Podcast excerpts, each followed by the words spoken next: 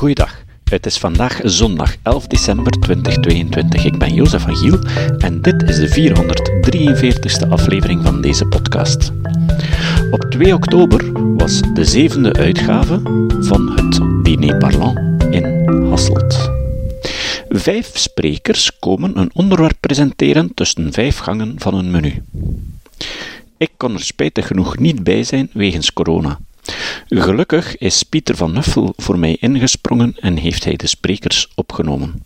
En vandaag horen jullie Nathalie van Raamdonk, doctoraatsonderzoeker aan de VUB en onderzoekster naar desinformatie op online platformen. Ze verdedigt de stelling dat we de complotdenkers niet te snel mogen wegzetten.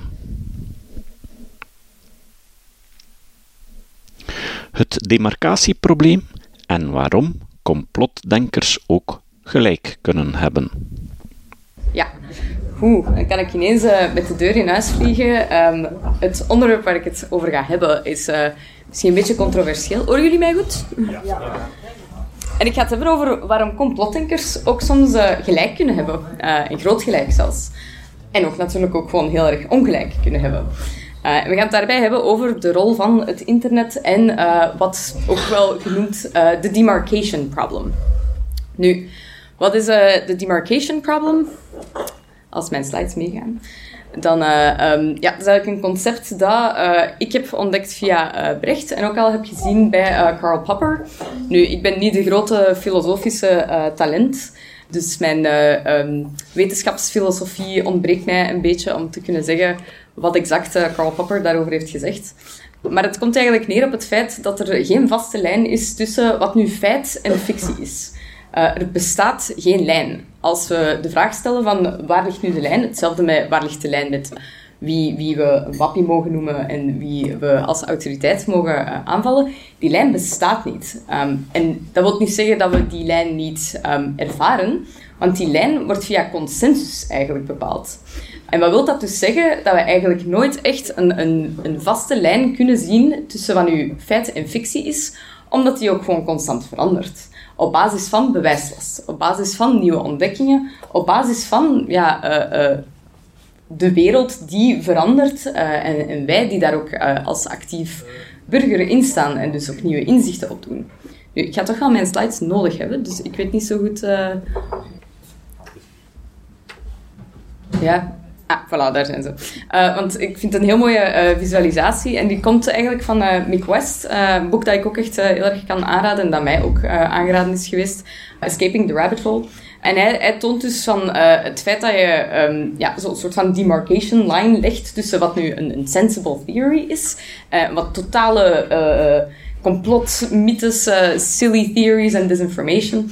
Ja, voor iedereen ligt die ergens anders. Um, en het is maar door consensus dat we die ongeveer op dezelfde plek leggen. Maar wat ik dus zei, maakt dat we eigenlijk ook wel soms complotten hebben die waarheid worden. Uh, omdat er ook nieuwe informatie opduikt. En dus, door het feit dat we die demarcation problem hebben, moeten we ook wel rekening houden met complotdenkers. Met de grote caveat dat bewijslast de kern is van waarom we rekening moeten houden met die mensen. Nu, een van de conspiracy charts uh, die ik fantastisch vind, um, is die van Abby Richards. Je vindt hem ook op uh, de website conspiracychart.com. Ehm, en zij toont eigenlijk ook hoe dat uh, mensen wanneer ze verder verwijderd geraken van de realiteit, uh, dat ze echt in waanzinnigere dingen beginnen te geloven. Hè, dat ze dus uh, voorbij uh, living reality, dat ze echt reality denial terechtkomen. En dat ze dan ook een zondebok gaan zoeken. en dat ze dan ook in wat zij noemt de anti-Semitic point of no return terechtkomen. en dan kom je terecht bij hoe de Illuminati's ons allemaal zijn aan het besturen, hoe niemand eigenlijk vrij wil heeft. want dat wij allemaal door Bill Gates microchips zijn ingespoten met het vaccin. Je kent het wel. Hè? Nu, waar ik wel meer in geïnteresseerd ben, in plaats van de echt zotte detached from reality uh, complottheorieën, zijn die toch nog dicht bij de grounded in reality liggen.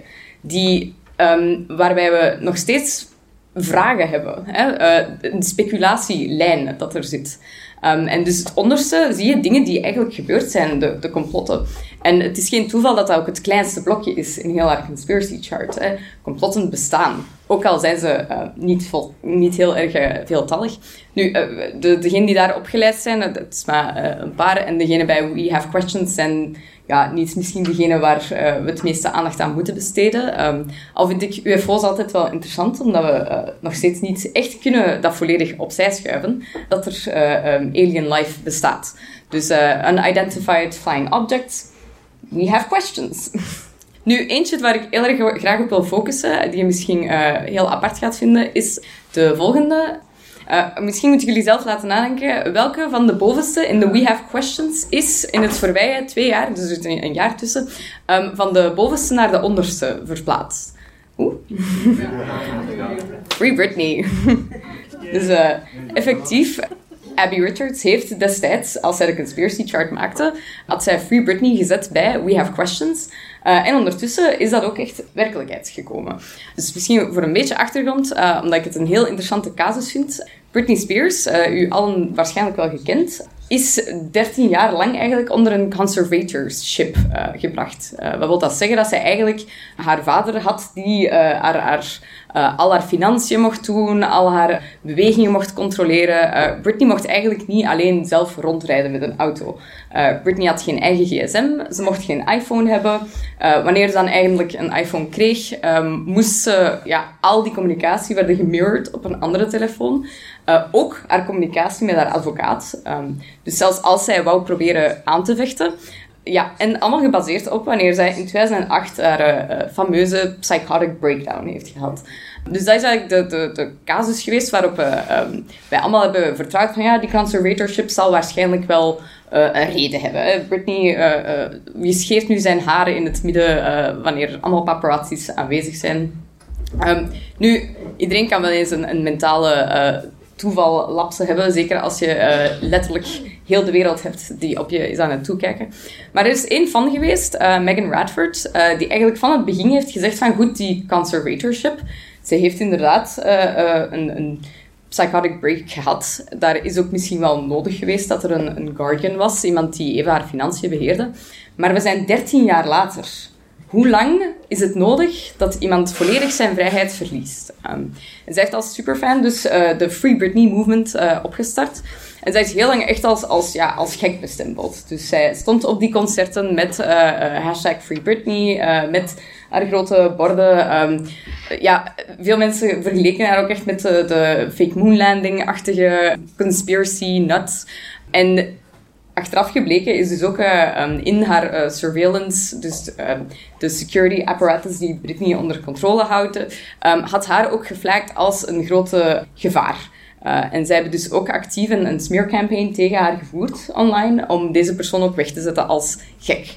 Dus redelijk conspiracy-oriented. ik denk het, het complot om Britney onder controle te houden en ja, dus ook te verdoezelen dat uh, zij echt verder dan een, een, een uh, conservatorship werd, werd gegaan, um, is wel echt waar waarheid gebleken. Nu, uh, Megan Radford was ook niet alleen. op een gegeven moment heeft zij ook echt een, een hele groep mensen op beweging gebracht. Um, en die hebben ook echt mee voor gezorgd dat de, de court documents publiek zichtbaar werden. Want wat was nu ook het ding? Die conservatorship is legaal van bovenop opgelegd. En ja, die judge heeft dus elke keer gezegd: Oké, ja, doe maar. Jullie mogen inderdaad al die controle over Britney houden.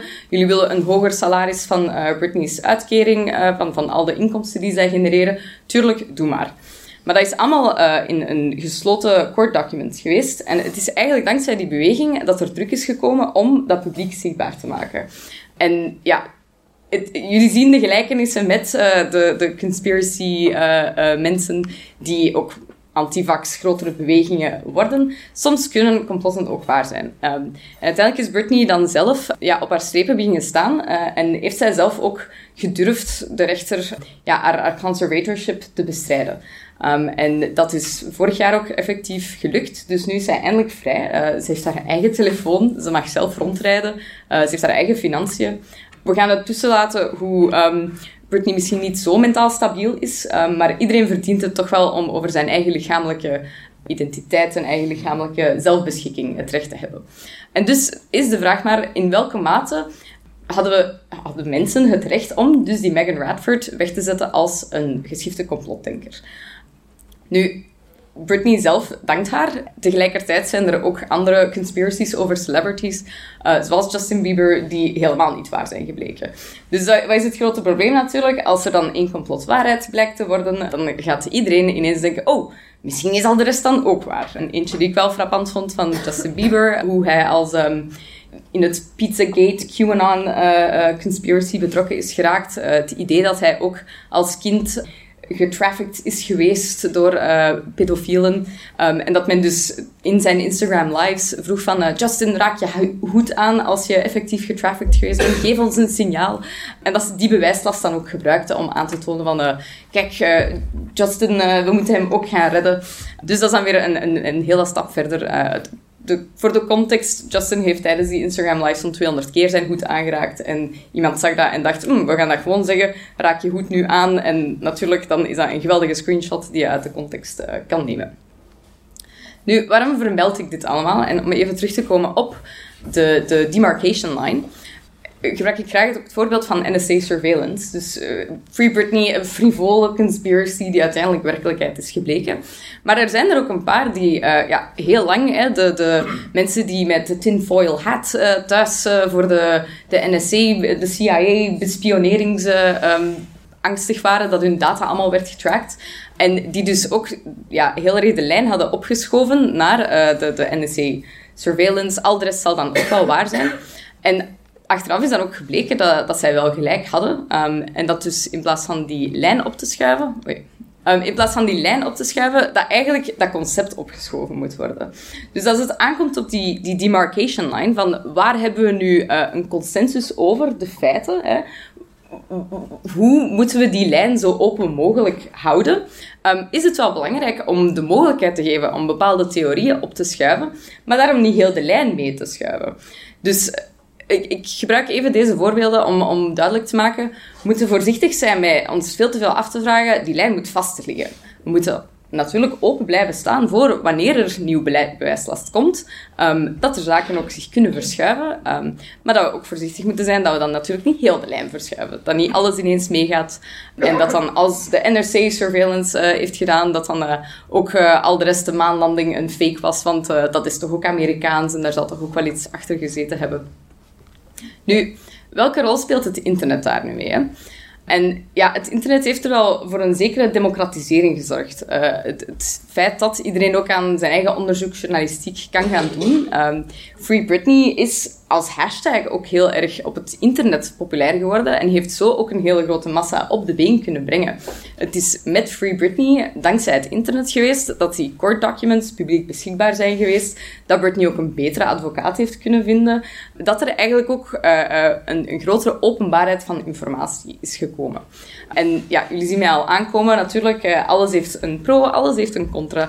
Dus internet en onderzoeksjournalistiek zorgt wel voor democratisering, maar het zorgt natuurlijk ook wel voor het feit dat um, ja, je heel veel mensen hebt die dan hun, bronnen gaan pikken en choosen en dat iedereen zich maar kan opwerpen als onderzoeksjournalist. Uh, een van mijn uh, lievelingsmemes, iemand die zegt van uh, I've heard the rhetoric from both sides, time to do my own research on the real truth. En dan klikt op Google op literally the first link that agrees with what you already believe. dus dat is een beetje het, het, het, de, de uitdagingen en tegelijkertijd de opportuniteiten van het internet dat we de mogelijkheid hebben om zoveel nieuwe informatie eigenlijk uh, te gaan ontdekken. En dat, dat we dus ook echt die, die dissidente stem kunnen horen. Tegelijkertijd moeten we die dissidente stem ook vertrouwen. Um, en daar zitten we dan een beetje met het probleem, dat, uh, ook een, van mijn lievelingsmemes, dat als je dan die outlier hebt in de general trend, dat sommige mensen die, die liefst naar die outlier gaan geloven, dan echt ook geloven van dit is de ene studie die door iedereen wordt uitgedaagd uh, en die onderdrukt wordt uh, vergeleken met al die honderden studies die gewoon met de mainstream meegaan. En dat wordt dan ook zo, het Galileo-effect van uh, Galileo was de eenzame strijder die tegen het establishment inging. U allen wel gekend, dat we ook heel vaak horen. De, de um, wetenschappers die zeggen dat zij uh, met het onweerstaanbare, uh, ontegenspreekbaar bewijs komen. En de enige reden dat zij niet gehoord worden, is omdat zij gewoon dat er iets persoonlijk tegen hen is. Maar ja, het, het probleem met Galileo is ook uh, de Galileo's Gambit. Om de mantel van Galileo te mogen dragen, moet je ook wel gelijk hebben. Dus je mag niet gewoon zeggen, omdat iedereen tegen mij is, zal ik wel gelijk hebben. Omdat ik de enige outlier ben, moet iedereen naar mij luisteren. Je moet natuurlijk ook gelijk hebben. En dan komen we natuurlijk in het hele concept van uh, de bewijslasten. En die bewijslast, hoe vinden mensen die dan? Hoe komen dan tot die consensus daar rond? Want dan gaan we terug naar de demarcation line. Waar zetten we onze demarcation line? We zetten die op basis van consensus. We zijn allemaal eens geraakt uh, met de bewijslast die we zien dat er replication is, dat, daar, dat daar een gelijkaardige resultaten te vinden zijn en dat we dus toch ergens kunnen zeggen, oké, we zijn het eens over waar die demarcation line momenteel staat. Wat is de rol van het internet daar nu in? En ik, ben als een trein misschien iets te, te hard aan het gaan, um, maar het, het feit dat je eigenlijk op het internet de mogelijkheid hebt om alleen gelijkstemden te vinden, kan je eigenlijk ook in een soort van ja, bubbel terechtkomen, waarbij je effectief gaat geloven van wij hebben een consensus gevonden en iedereen die het daar niet mee eens is, dat zal dan wel aan hen liggen. Dus die Facebookgroepen die je, die je ziet, de Telegramgroepen, um, een, een, een soort van meerderheid die zichzelf lijkt te vinden en denkt dat zij ook in de meerderheid zijn. Want als ik in een Facebookgroep zit met tienduizenden mensen die beweren dat zij uh, een, een, een, injury aan een vaccin hebben overgehouden, ja, dan zal daar toch wel iets van aan zijn, zeker. Hè? Wij zijn met zoveel ondertussen. Maar daar krijg je ook een soort van meerderheidsillusie mee.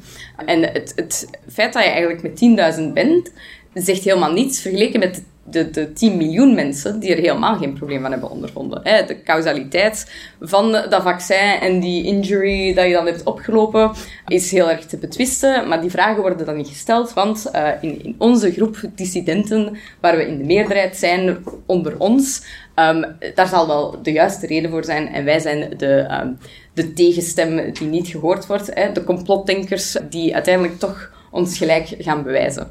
En nog één slide om even te duiden wat, hoe die meerderheidsillusies werken. Want uh, ja, op het internet kan je enerzijds dus die echo chamber hebben, die bubble, die, die Facebookgroep. Maar je kan ook in je eigen netwerk merken dat er, um, als je met blauw bent, dus in het voorbeeld, uh, blauw vindt uh, baseballpetten hip en oranje niet. Blauw is hier in de minderheid. Maar als blauw de, meer, de meeste connecties eigenlijk heeft, dan gaan zij veel invloedrijker worden en gaan zij ook een meerderheidsillusie creëren. En je ziet dat hier in het voorbeeld. Dus als ze over elke persoon gaan, gaan ze zien naar hun, hun vriendschapsrelaties.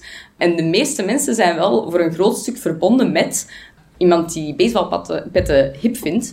En dus gaat iedereen ook denken dat dat zo is. Waarom geef ik dit voorbeeld ook, eh, om, om even terug te komen? Als het gaat om die dissidenten, die mensen die heel erg overtuigd zijn van wij, hebben, wij zijn geen complotmythologen, wij komen met bewijs, hè, wij hebben de consensus over het bewijs gevonden. Als die redelijk centraal in het netwerk staan, ook al is dat een minderheid, kunnen die een vrij grote meerderheidsillusie creëren. En dan gaan we terug ook naar de vraag die, die eerder werd gesteld waar moeten we de grens dan trekken bij wie we eigenlijk in vraag gaan stellen. En het gaat echt om invloed. Het gaat echt om de mensen die bezig zijn met die consensus onderuit te halen. Die bezig zijn met eigenlijk voor een parallele realiteit te zorgen. En die ervoor zorgen dat we eigenlijk in twee verschillende werelden gaan terechtkomen. En het gaat dus niet om uh, de, de grote groep twijfelaars die mogelijk overtuigd gaat worden. Het gaat echt om de mensen die um, als, als leider van zo'n beweging eigenlijk probeert gewoon de groepen uit elkaar te trekken. Nu, om volledig full circle te gaan naar mijn demarcation line, en, en zoals je ziet, lijnen mogen we niet te, vast, uh, te zeer vastleggen. Maar het, het probleem met, um, als we die demarcation line te loslaten, dan gaan er meer complottheorieën komen. Um, dan gaat ook die consensus over uh, de demarcation line verdwijnen. Hè? Dus als er een overvloed aan complotmythes komt, uh, omdat we dan ook in twee parallele realiteiten komen. dan gaan we ook meer de vraag komen om die demarcation line vast te leggen. En dan stel ik mij de vraag of iemand als Megan Bradford ook nog gehoor zou kunnen gekregen hebben. Of de mensen die wel een dissidente stem zijn met bewijs, of die dan opgesloten gaan geraken in een echo chamber van mensen die zeggen: Ja, ja, ik ben het ook met jou eens. En en plus, de maanlanding is fake en Justin Bieber is ook deel van een pedofilie-schandaal, et cetera, et cetera, et cetera.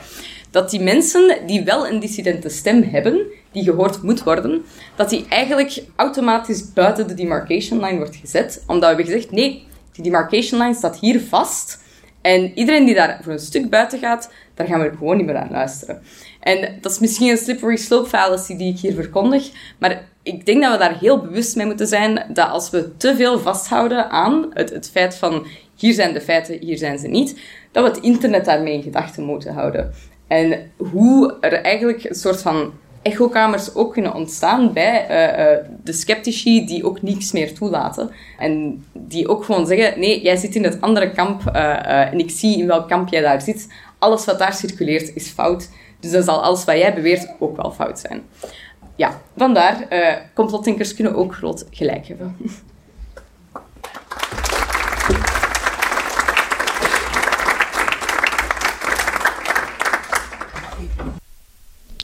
De volgende keer horen jullie Maarten Schenk. Het citaat. Het citaat van vandaag komt van Karl Popper. Popper zei: Een vrije en open samenleving kan alleen bestaan als we de mogelijkheid overwegen dat we ongelijk hebben. Tot de volgende keer. Dit was de podcast Kritisch Denken. Vergeet niet om alles kritisch te behandelen, ook deze podcast. Voor verdere informatie over deze podcast, links en voor de tekst, surf naar www.kritischdenken.info. Als je deze podcast belangrijk vindt, kun je me steunen door anderen warm te maken ook eens te luisteren. Stuur een e-mail naar vrienden met een link naar de website en plaats de link in de handtekening van je e-mails. Tevens kun je op iTunes deze podcast een beoordeling geven of een recensie schrijven. Of je kan op je eigen website of blog een link naar kritisch denken plaatsen.